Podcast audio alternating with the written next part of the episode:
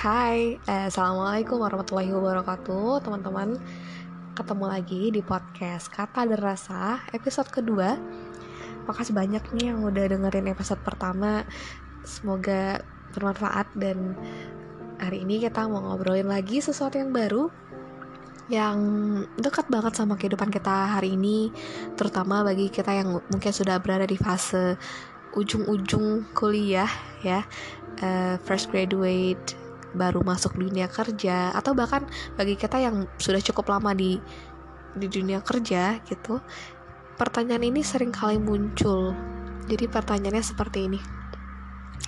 Kita tuh happy nggak ya ngejalanin yang kita jalanin sekarang? Ini tuh pilihan yang tepat nggak ya? Ini tuh akan jadi pilihan karir kita selamanya nggak ya gitu.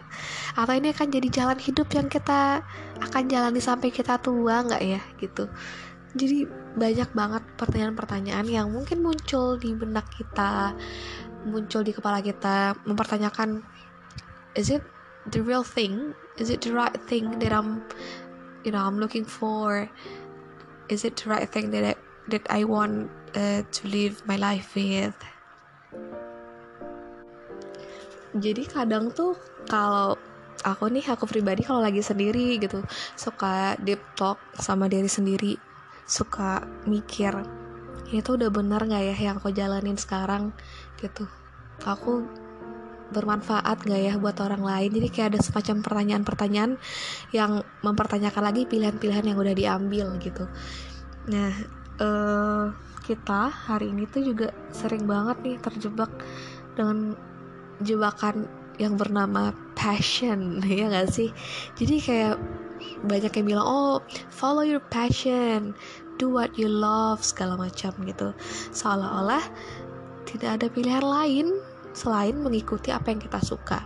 Padahal sebenarnya in real life dalam kehidupan yang asli yang nyata gitu setelah kita tamat kuliah kita wisuda dan segala macam kita masuk ke dunia kerja nggak selalu kita bisa dapetin apa yang kita suka. Ya gak sih? Nggak selalu kita pada akhirnya kerja di tempat yang kita suka yang kita enjoy kayak gitu. Nah terus gimana tuh? Gimana sih cara dealing dengan keadaan yang ketika kita berada di posisi yang sebenarnya kita tidak inginkan pada awalnya?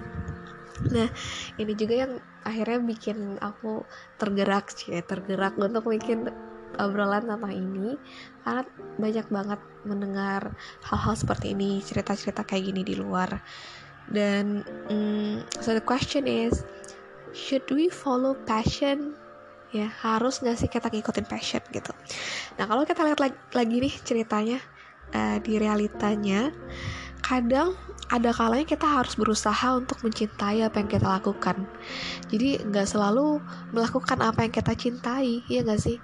Jadi terkadang kita berada di, di posisi yang oke okay, hmm, aku harus lakukan ini ini yang jadi takdir saat ini gitu yang harus kita jali dan ketika kita misal berusaha untuk lebih mengenali lebih menguasai ya lebih belajar lagi tentang itu maka nanti lama-lama kita bisa sampai pada posisi mencintai apa yang kita kerjakan. Ketika udah dapet feelnya oh ternyata gini ternyata gini oh ternyata manfaatnya ini impactnya ini. Hal yang tadi awalnya kita nggak suka yang kita mungkin bahkan benci itu bisa aja berubah menjadi hal yang kita sukai gitu. Selagi kita juga memang membuka diri dan memang ada niat mau berusaha. Jadi ya memang harus ada acceptance dulu ya di awal. Nah gitu. Nah ini juga yang pada akhirnya bikin aku tertarik dengan satu konsep yang diusung oleh uh, masyarakat Jepang. Kalau kita pernah dengar, teman-teman pernah dengar, ada istilah yang namanya ikigai, ya. Jadi ikigai ini adalah satu kata yang mempresentasikan tujuan hidup uh, mostly orang-orang Jepang. Nah, menariknya Ikigai ternyata salah satu rahasia yang membuat orang-orang Jepang hidup lebih lama, mereka hidup lebih bahagia. You know, like they live longer, they live healthier, karena mereka happy. Ini adalah salah satu uh, kunci kebahagiaan kalau kita bisa bilang bagi orang-orang Jepang gitu.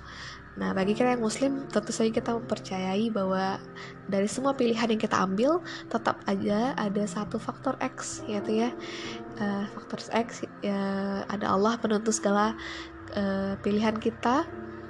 Tapi sebagai manusia, sebelum kita bertawakal, kita harus berikhtiar ya. Jadi ada kok pilihan-pilihan yang bisa kita ambil.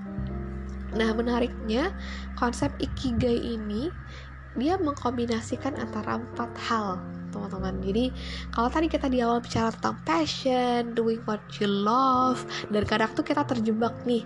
Ketika kita uh, berada pada posisi yang kita nggak suka kita kayak langsung males-malesan. Oh ya udahlah males banget. Hmm, ini bukan passion gue banget gitu. Padahal passion itu bisa jadi berupa jebakan. Jadi kalau kita terlalu mentuhankan passion ya udah mentok di situ aja. Jadi ketika kita berada pada kondisi yang kita nggak suka ya kita langsung oke okay, give up. Ya padahal sebenarnya ada cara lain buat menemukan yang namanya happiness. Jadi kalau ikigai itu adalah kombinasi dari empat komponen. Jadi itu yang pertama itu adalah what you love ya jadi ada. Nanti kalau teman-teman bisa lihat uh, cek aja di Google ketik ikigai itu akan uh, akan keluar satu diagram Venn jadi titik tengahnya itu adalah ikigai. Itu adalah kombinasi antara what you love uh, what you are good at uh, kemudian what you can be paid for and what the world needs Aduh, dalam banget ya. Jadi yang pertama itu adalah what you love apa yang kamu suka. Nah, ketika what you love bertemu dengan what you are good at, ya apa yang kita bisa, apa yang kita mampu kerjakan dengan baik, apa yang kita kuasai, maka itu akan disebut dengan passion. Itu yang tadi kita bilang sebagai passion. Jadi kita melakukan apa yang kita suka dan kita juga skillful di bidang itu. Kita mampu mengerjakannya. And that's what we call as passion. But passion is not enough, ya um, ada lagi what you are good at dengan what you can be paid for kita nggak bisa bohong bahwa dalam hidup kita butuh butuh survive, kita butuh uang untuk melengkapi kebutuhan, kita butuh uang untuk membayar keperluan, untuk survive segala macam. So we need money, right? Like we need to get, we need to be paid.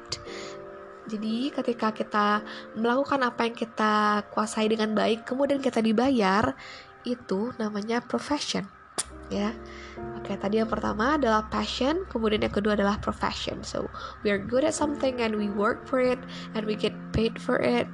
That's what we call as profession. And that's not enough kita lanjut yang ketiga. What you can be paid for ya yang kita bisa dibayar dengan itu and what the world needs. Ya itu yang yang disebutkan dengan uh, vocation gitu. Jadi apa yang kita um, kita dibayar nih untuk itu. Kemudian juga ternyata dunia hari ini juga sedang membutuhkan itu. Nah itu yang disebut dengan vocation. Jadi uh, sebenarnya antara vocation dan profession itu sekilas mirip ya. Tapi dia sebenarnya punya value yang berbeda gitu. Uh, kalau di vocation itu uh, feelingnya tuh lebih strong kayak semacam ada apa ya kita tahu nih purpose-nya terus uh, kerjaannya apa dan kita tahu dunia sedang butuh itu gitu.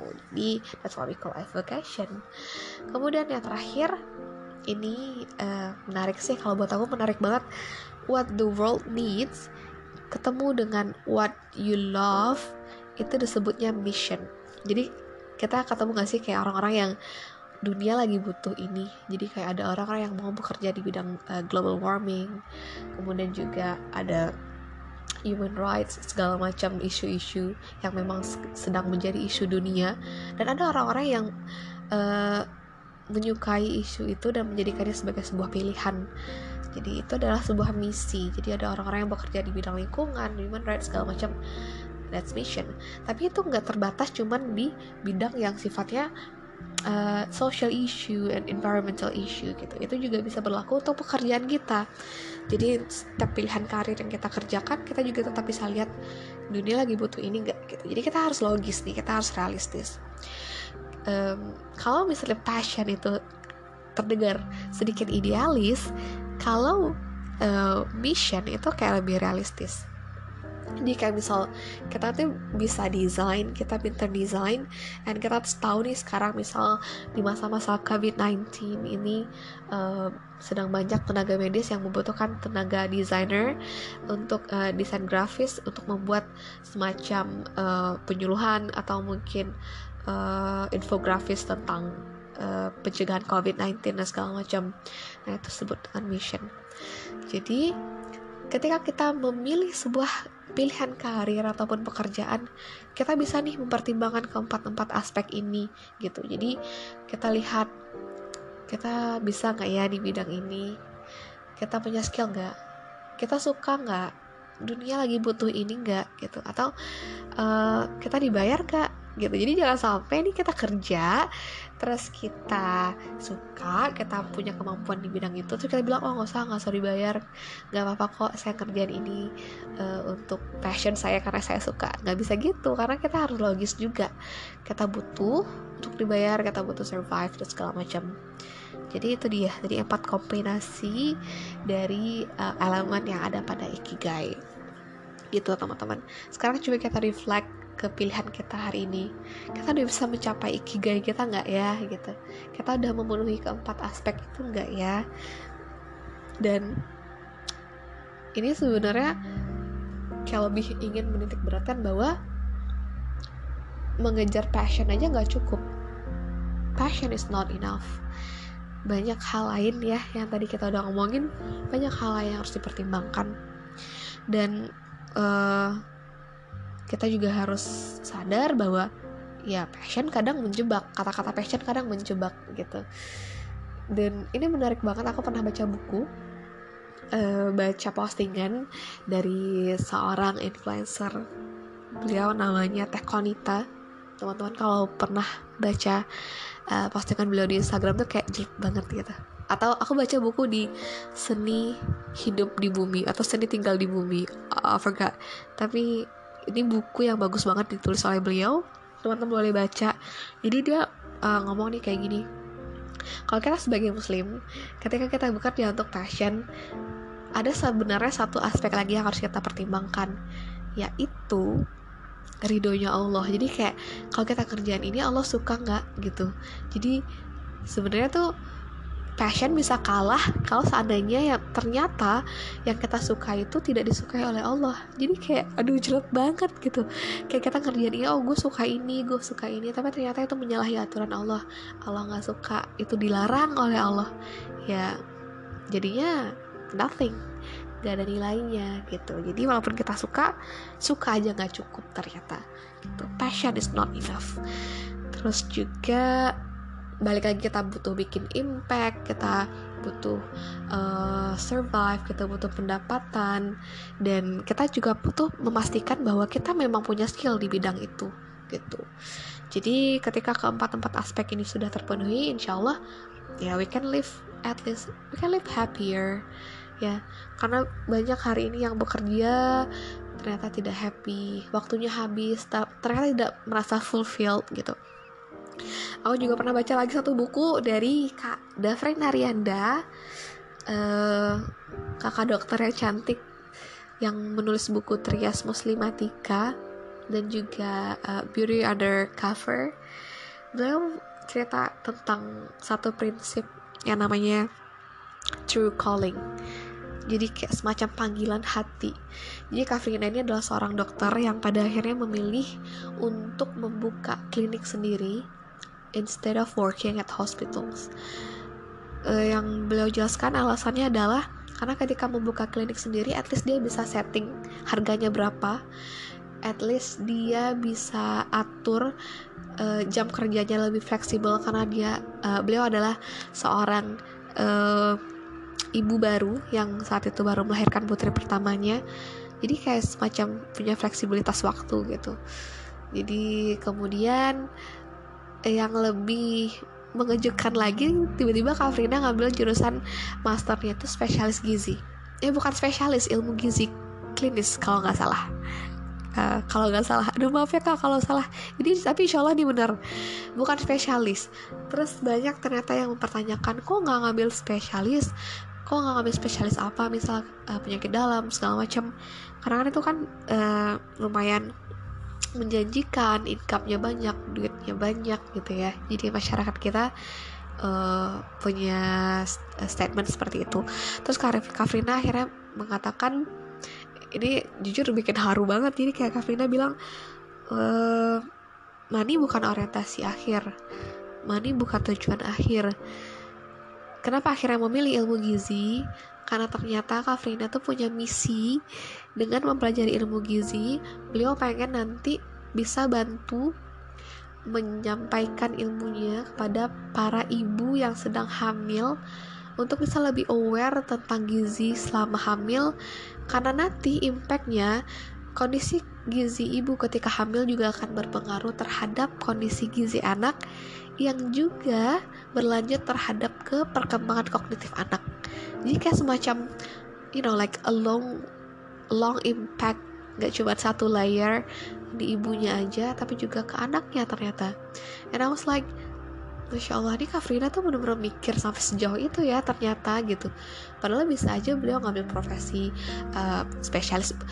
I'm not saying kalau spesialis itu tidak baik. No kita butuh spesialis tapi untuk case ini aku salut banget Masya Allah sama pilihan Kafrina mengambil ilmu gizi itu karena um, ternyata ada misi di belakang ini gitu. Ada true calling jadi ada panggilan hati. Panggilan hati inilah yang pada akhirnya nanti membuat kita merasa terisi. You know like we can feel we are fulfilled kayak terisi hatinya gitu.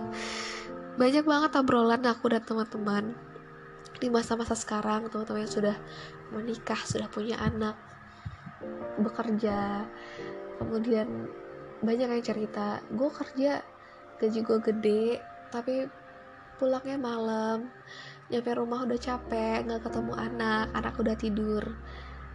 Di momen itu dia mikir kayak apa sih yang gue cari? Gitu. Buat apa sih semua ini sebenarnya dicari siang malam? Buat apa? Apa yang dikejar jadi ketika meres, eh, mereka merasa seperti itu tuh kayak ngerasa gue nggak merasa fulfilled dengan apa yang gue lakukan saat ini gitu. Ya jadi ya seperti itu teman-teman. Bahwa ternyata uang aja nggak cukup uh, lakukan yang kita suka aja tuh nggak cukup. Tapi kayak kita bener-bener harus tahu harus aware harus bener-bener membuat semua keputusan dalam keadaan sadar dan dengan pertimbangan yang banyak. Dan jangan khawatir teman-teman. Ketika kita masih ada di fase-fase awal karir kita tidak mungkin langsung bisa mencapai posisi ideal dengan kondisi ideal. No. It takes time ya. Kita butuh waktu semua berproses. Jadi jangan khawatir jangan takut jangan putus asa. Selagi kita tahu apa yang kita mau insya Allah akan ada jalannya. Selagi kita tahu apa yang Allah suka apa yang Allah ridho insya Allah ada jalannya. Tapi mungkin memang kita butuh melewati banyak jalan kita harus mencoba banyak hal kita harus mencoba banyak apa ya banyak pekerjaan dulu mungkin sampai pada akhirnya ketemu dengan pekerjaan yang benar-benar cocok dengan kita gitu. Dan aku juga nggak nyaranin kalau kita bisa kerja di satu tempat terus bosan pindah. No not that way. Kita mungkin harus bertahan lebih lama dulu. Meskipun awalnya nggak nyaman kita nggak suka. Tapi mungkin ada satu pelajaran yang bisa kita ambil dari situ. Ada hal yang bisa merubah perspektif kita. Ada hal yang mungkin bisa menambah kemampuan kita di situ. So we never know. Intinya it takes time. Semua butuh proses. Uh, dan nikmati jalani syukuri semuanya. Ini mungkin lebih apa ya it's easier said than done. Tapi yakinlah selagi kita tahu tujuan kita apa selagi niat kita baik selagi uh, kita tulus dan kita benar-benar apa ya ingin melakukan sebuah kebaikan kita ingin memberikan impact yang baik tidak hanya untuk diri kita dan juga orang-orang sekitar kita selalu akan ada jalan kok ya. Jangan khawatir jangan putus asa dan tetap semangat semua akan baik-baik saja. Oke, okay? semangat! Eh, semoga kita suatu saat bisa mencapai ikigai kita masing-masing. Oke, okay, sekian eh, cuap-cuap uh, kita hari ini. Semoga bermanfaat dan sampai ketemu lagi di podcast selanjutnya. Bye-bye. Assalamualaikum warahmatullahi wabarakatuh.